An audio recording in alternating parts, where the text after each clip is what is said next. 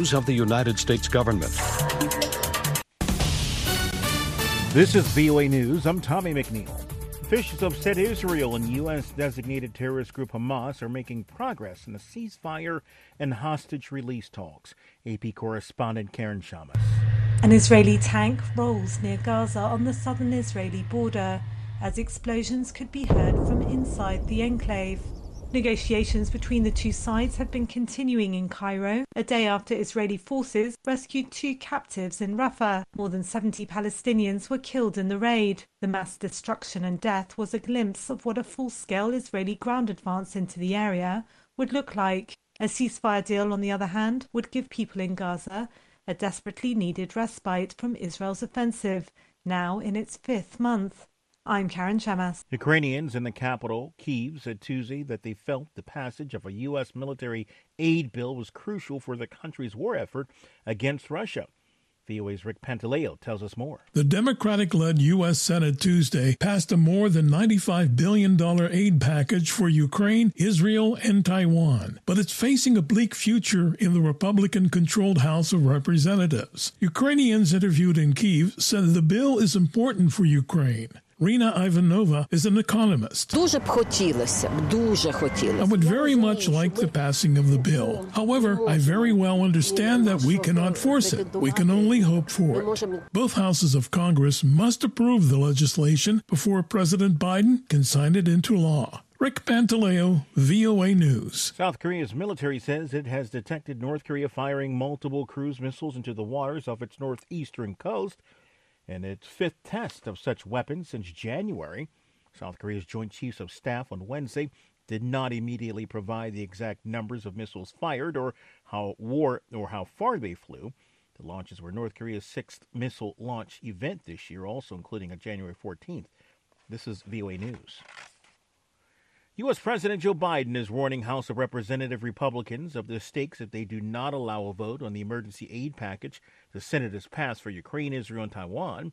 AP correspondent Sagar Meghani. The president says Russian counterpart Vladimir Putin must see that the U.S. stands with Ukraine and other allies. Supporting this bill is standing up to Putin.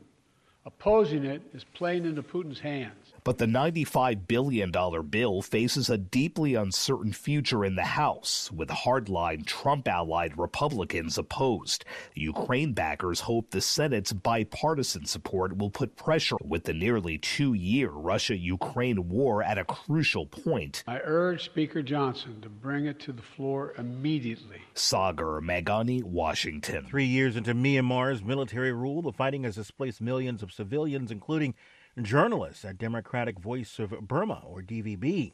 But from newsrooms outside of Myanmar, they keep reporting. VOA News has a story narrated by Arash Arabasadi. Exile is not new for DVB, founded in 1992 in Norway under prior junta rule. The broadcaster moved to Myanmar during civilian rule only to have to flee again in 2021. With access to independent news restricted in Myanmar, DVB and other media now working from exile play a vital role. I think the media become a crucial countering fake news and also countering propaganda, uh, telling the truth about situation on the ground. Aye Chan Naing is executive director of DVB for VOA News in Thailand. Arash Arabasadi. The U.S. House has voted to impeach Homeland Security Secretary Alejandro Mayorkas over the Biden administration's handling of the U.S. Mexico border, an historic rebuke of a sitting cabinet secretary. The Republican majority was determined to try again to impeach Mayorkas after having failed last week. Tuesday evening's vote was tight, even with the arrival of Majority Leader Steve Scalise, who has been away from Washington for cancer care. Speaker Mike Johnson's majority could not spare defections or absences in the face of staunch Democratic opposition. President Joe Biden called the impeachment of Mayorkas a blatant act of unconstitutional part- partisanship that has targeted an honorable public servant in order to play petty political games. You'll find more at voanews.com. I'm Tommy McNeil, VOA News.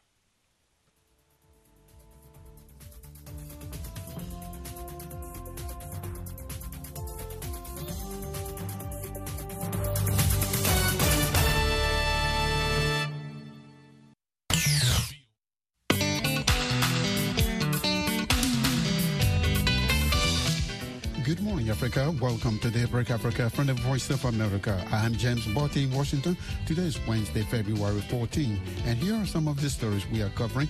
Lawmakers from Malawi's main opposition party boycott parliament. We felt that a person who has been expelled by the party cannot come to represent that party. It has never happened. Key labor unions stand firm in their demand for the unconditional release of a journalist. Zimbabwe will attempt to establish a gold-backed currency. A Silicon Valley startup discovers huge copper deposits in Zambia. There are more repercussions for President Macky Sall's abrupt decision to postpone Senegal's February 25 election. What you have to know is that this is not a problem between the president and the opposition. It is a problem between the president and the people of Senegal. And South Africa signs a deal to sell meat to Saudi Arabia. Those stories plus our Black History Month presentation are coming up on Daybreak Africa.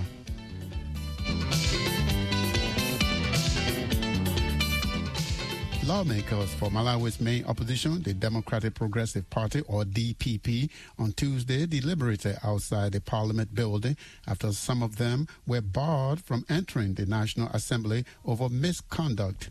About 20 DPP lawmakers were not allowed to enter parliament for allegedly causing chaos which erupted in Parliament on Monday after disagreeing on the rightful leader of the opposition who speaks on behalf of the opposition parties.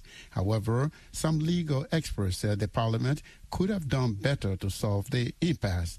Lameck Masina reports from Blantyre. Honorable Madam Speaker, DPP is the main opposition party. The chaos on Monday erupted after the Speaker of the National Assembly, Catherine Gotani Hara, recognized Kondwani Nankumwa as the leader of opposition to respond to the State of the Nation address which Malawi President Lazarus Chakwera delivered when he opened parliament on Friday. However, this angered DPP lawmakers who argued that the country's main opposition party fired Nankumwa last month over indiscipline and that it had replaced him with Melena Vicha as the new leader of the opposition in parliament. George Chaponda is the chief whip for the DPP in the legislature. His expulsion followed his appearance before a disciplinary committee. After the disciplinary committee, he was expelled from the party. So we felt that a person who has been expelled by the party cannot come to represent that party. It has never happened. But Speaker Harris said she could not recognize Navicha as opposition leader unless the court injunction which Nankumwa obtained against his expulsion from the party was lifted. The leader of the government side in parliament, Richard Chimwendo Banda, shares the same view. It's very clear from what the speaker said that as parliament we must respect the courts. We cannot be parliament and disrespect the courts. However, in response, some DPP lawmakers left parliament in protest. On Tuesday morning, security officers there were instructed to bar about 20 DPP lawmakers from entering the building. This forced other DPP lawmakers to boycott entering parliament in solidarity with their bad fellow lawmakers who gathered outside. Sharif Kaisi is a political analyst based in Blantyre. He told VOA that the behavior of the DPP parliamentarians showed a lack of seriousness on matters of national interest. This is an intra-party issue. Uh, that has to be resolved outside the parliament because the issue, if you look at it, it's about the change of the leadership. What DPP was, was going to do is to fight through the court to lift the order and then bring Navicha as the leader of opposition. Besides the DPP lawmakers' boycott on Monday, Nankumwa proceeded with his business as leader of opposition and responded to the President's State of the Nation address. However, posting on his Facebook page on Tuesday, former judge of Malawi Supreme Court of Appeal, Dunstan Mwaungulu, said by succumbing to the court injunction on the DPP dispute over the issue of leader of opposition, the Malawi parliament is undermining its sovereignty. Mwaungulu says under normal circumstances, the judiciary cannot impose orders that would affect the functioning of the parliament. In the meantime, Speaker of Parliament Hara says he will consider allowing the DPP's newly appointed leader of opposition, Navicha, to respond to the President's State of the Nation address on Thursday. However, Navicha presented her response to the State of the Nation address Tuesday from the gates of the Parliament building where the DPP lawmakers gathered. For VOA Africa, I am Lameck Masina in Blantyre, Malawi. There are more repercussions for Senegalese President Macky Sall's abrupt decision to postpone the country's February 25 election. The government cut internet services again on Tuesday ahead of a planned opposition protest to prevent what the government calls hateful and subversive online messages. According to Reuters, the UN Human Rights Office and Amnesty International have accused the government of violating fundamental rights to freedom of assembly and expression. Nafisa Dia is a member of jailed opposition leader Ousmane Sonko's Pastef party. She tells me the crisis is no longer between the opposition and the government. Instead, it is a crisis between President Macky Sall and the people of Senegal.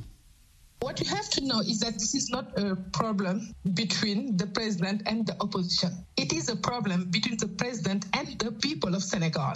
So now it's no longer an issue between the ruling party and the opposition. It's an issue between the president, who is uh, at the end of his second and last mandate, and the people of Senegal, because this issue concerns every Senegalese. So now what's happening is that people are getting organized in various organizations. Today, they wanted to march just a silent procession, but it was forbidden. Even if the law says that you don't even have to ask for permission, you just have to let the authority know that this day you will be out with your people. And the one they wanted to do today, it was a silent one, just walking silently from place A to place It was forbidden. It's an issue between him and the population because what he has done has never been done in Senegal. So, Nafisa, what are you hearing from your people on the ground in Senegal? Because we are hearing that uh, the government has cut or restricted internet services. That's not something new.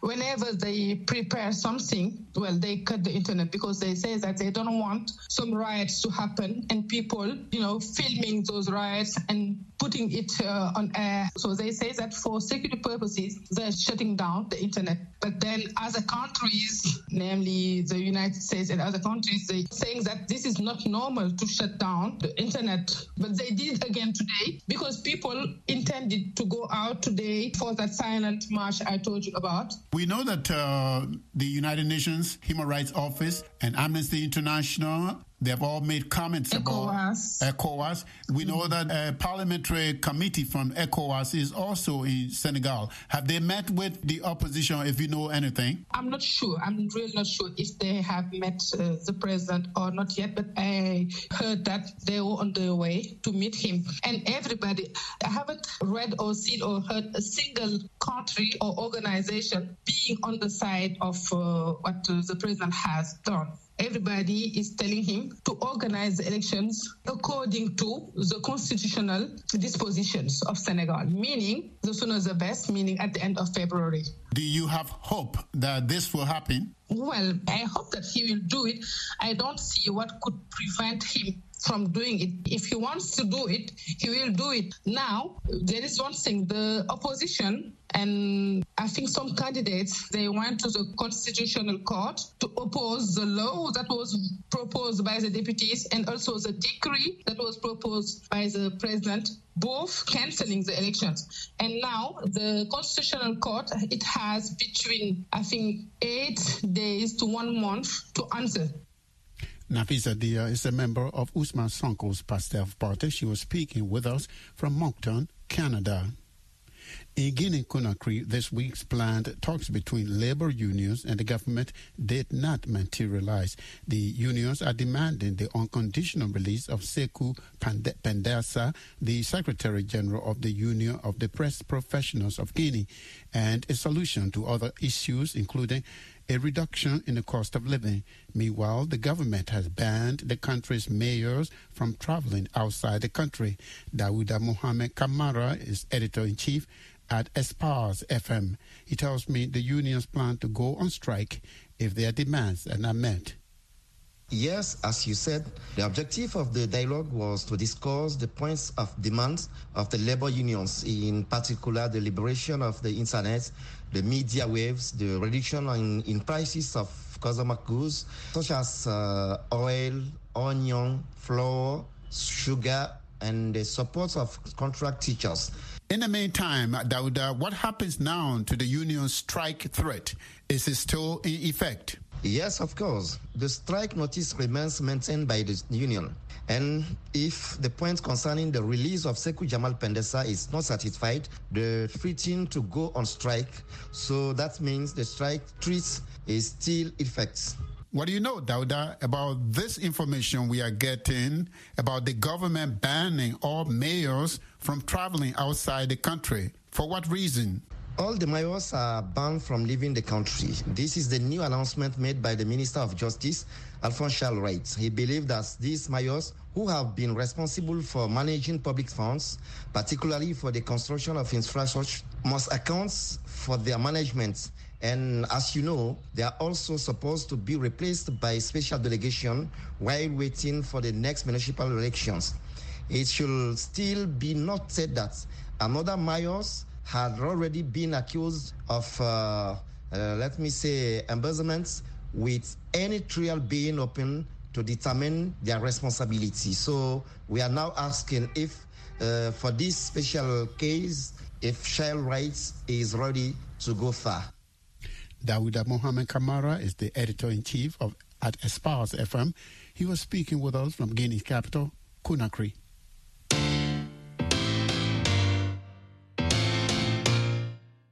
You are listening to Daybreak Africa on the Voice of America. I'm James Butty in Washington. Today is Wednesday, February 14. For more Africa news and features, visit our website at voaafrica.com. Connect with us on all social media platforms. We are on Facebook, Twitter, and Instagram.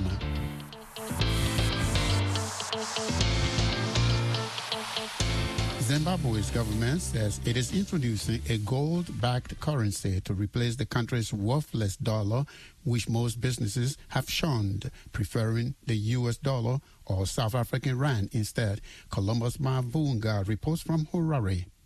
Mthuli Zimbabwe's finance minister, told reporters in an online press conference Monday that his country was moving away from its current all but worthless currency to ensure sustained growth. Really, this is a quest for currency stability. What is emerged over the years, the US dollar being the, the most dominant. So, but going forward, we want to make sure that the growth that we've achieved so far, which has been very strong, is maintained and is even increased. We can only do that if we have further stability in the domestic currency.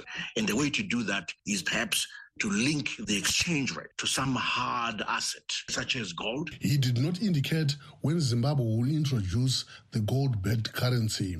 Since Zimbabwe's independence in 1980, the country has introduced new currencies several times after citizens and businesses started shunning the money. The present day currency, known as the dollar bond notes or ZWL was introduced in 2014. Within months, it started losing value, something economists attributed to the government overprinting notes and businesses failing to have confidence in the currency. It now trades at 20,000 for one US dollar. Prosper Chitambara, a senior economist with the Labor and Economic Development Research Institute of Zimbabwe says the move to introduce a gold-backed currency is a noble one. This is akin to what we had in the past, the gold standard, where you actually link Zim dollar money supply to gold. So that actually helps to control money supply and it also helps to stabilize the value of the currency because ultimately it means the value of the currency will be determined to a greater extent by the value of gold. But ultimately, says Chitambara, Zimbabwe needs to exercise fiscal responsibility if it wants to have a stable domestic currency. In the long term, medium to long term, we need number one to, to uh, sustain uh, or to ensure fiscal sustainability through ensuring there is fiscal discipline, fiscal consolidation. At one time, many countries used the so called gold standard, where the monetary system is backed by the value of physical gold. But the system fell out of use in the early 1970s. It remains to be seen if it can be revived in modern day Zimbabwe. Columbus Mavunga, VOA News, Harare. A California based company backed by tech billionaires says it has discovered major copper deposits in Zambia using artificial intelligence. The discovery comes as demand for the metal is especially high for the global transition to cleaner energy sources. Kathy Short reports from Lusaka, Zambia. Located in Zambia's mineral-rich Copperbelt province, the Mingomba Copper Project is poised to become one of the biggest and highest-grade copper mines in the world.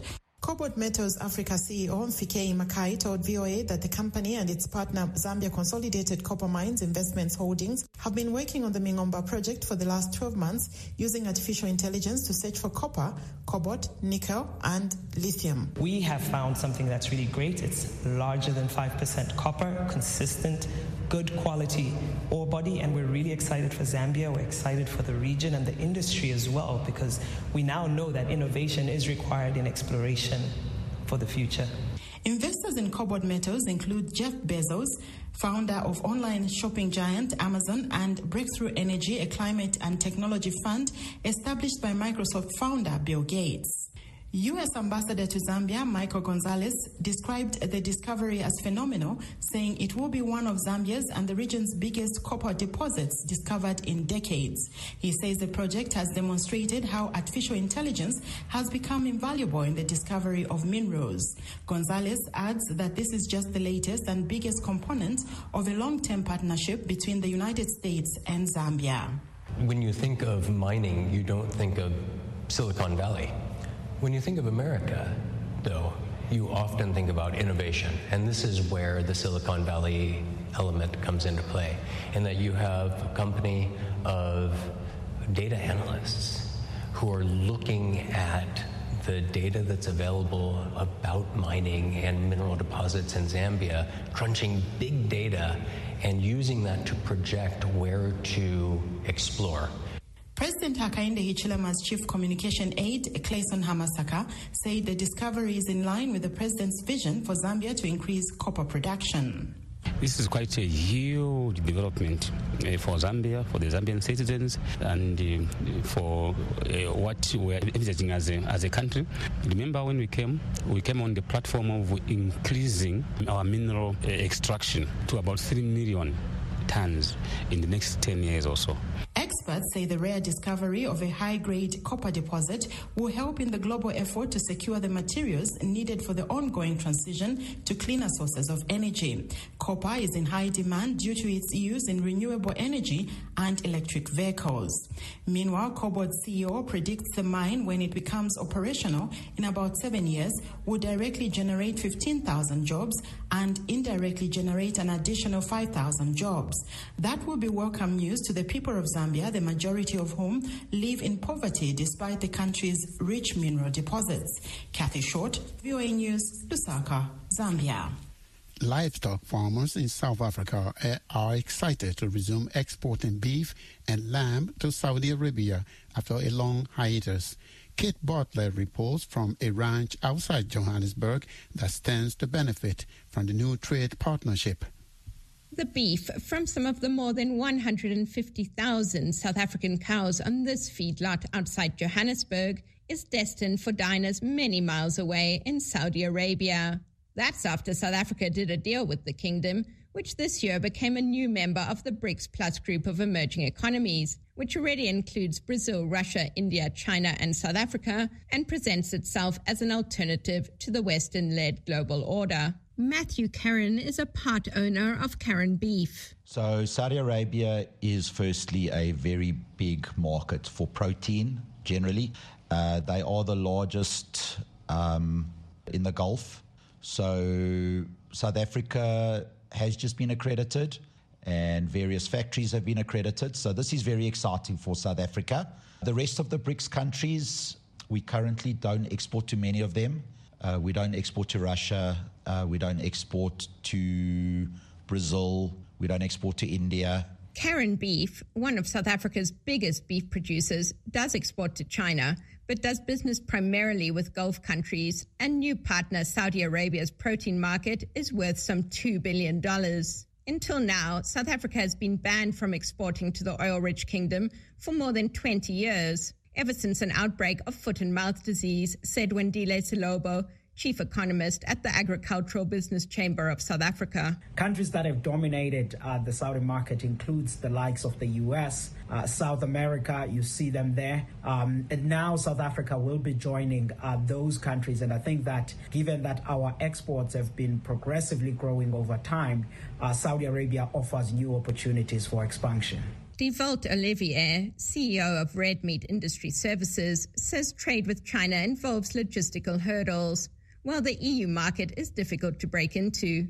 Most of South Africa's beef goes to the domestic market, with exports accounting for only around 4%. So a new customer like Saudi Arabia is important. If you look at the Saudi Arabian market, they consume 2.4 uh, million tons of red meat per annum. That's the the the uh, 2024 forecast. And Olivier says the deal is already opening other doors in the BRICS Plus grouping. What we've seen was that on the back of Saudi Arabia uh, opening up to us, uh, we've had discussions immediately with Iran.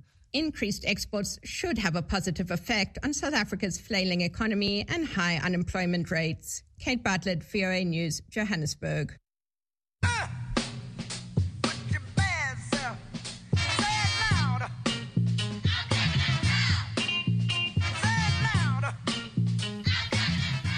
It's time now for our Black History Month and African History presentation for today, February 14. On this day, 1817, Frederick Douglass was believed to have been born a slave in Maryland. His real name was Frederick Bailey. At age 20, Frederick ran away to freedom. He changed his name to Frederick Douglass to escape capture by slave catchers. During the U.S. Civil War, Douglass fought for the opportunity for blacks to join the Union Army. Frederick was a friend to President Abraham Lincoln. Also on this day, 1867, Morehouse College was founded in Augusta, Georgia. The institution was later moved to Atlanta. It is a private, all-male, historically black liberal arts college. Did you know that Vanessa Williams was the first African American to win the Miss America pageant in 1984? She went on to become a successful vocalist and actress.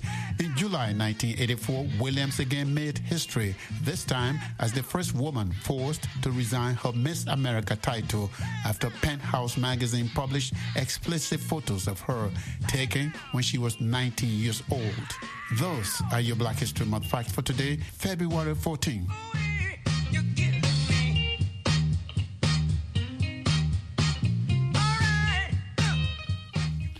And that's it for this Wednesday, February 14th edition of Daybreak Africa. We thank you for coming aboard with us this morning. For more Africa news and features, visit our website at voaafrica.com. Connect with us on all social media platforms. We are on Facebook, Twitter, and Instagram. We are also on YouTube, where you can watch our TV shows, Africa 54, Straight Talk Africa, and Red Carpet. On behalf of the Daybreak Africa team, I'm James Barton in Washington, wishing that you will have a lovely day.